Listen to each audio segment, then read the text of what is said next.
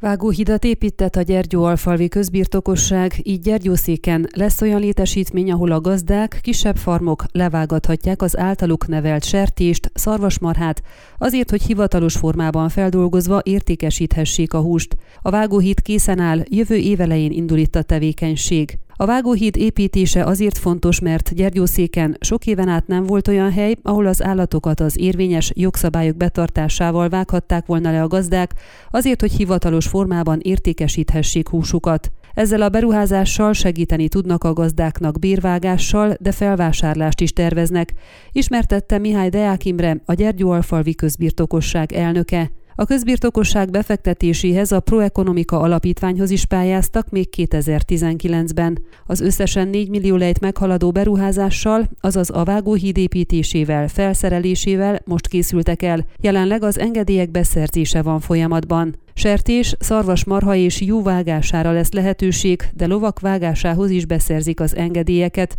Úgy tervezik, hogy 2023 elején indul majd el a tevékenység.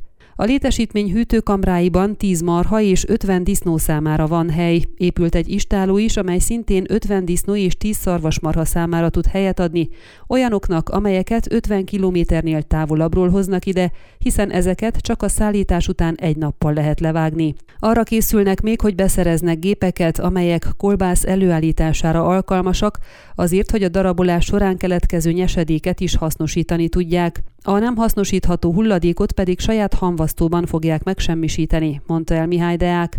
Hozzátette, mielőtt a fejlesztésbe belevágtak volna, felmérték az igényt, és azt a visszajelzést kapták, hogy ténylegesen nagy szükség van egy ilyen létesítményre Gyergyószéken. Jelenleg ugyanis élőállatként tudják értékesíteni a farmok és a gazdák a sertést és a marhát. A megnyitás előtt álló Gyergyóalfalvi létesítményt Barti Tihamérrel közösen látogattuk meg, aki az RMDS Székelyföldi Önkormányzati Tanácsának elnökeként segítette a megvalósítás folyamatát.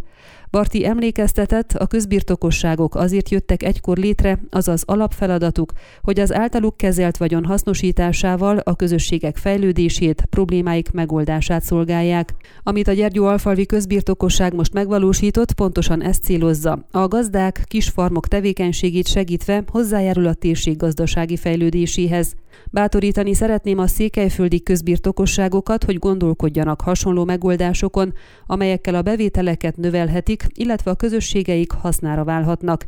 Ilyen típusú terveikkel is keresenek fel bátran engem, hogy közösen találjunk megoldásokat, lehetőségeket a gazdaságfejlesztési projektek megvalósítására, biztatott Bartiti Hamír. Ön a Székelyhon aktuális podcastjét hallgatta. Amennyiben nem akar lemaradni a régió életéről a jövőben sem, akkor iratkozzon fel a csatornára, vagy keresse podcast műsorainkat a székelyhon.pro portálon.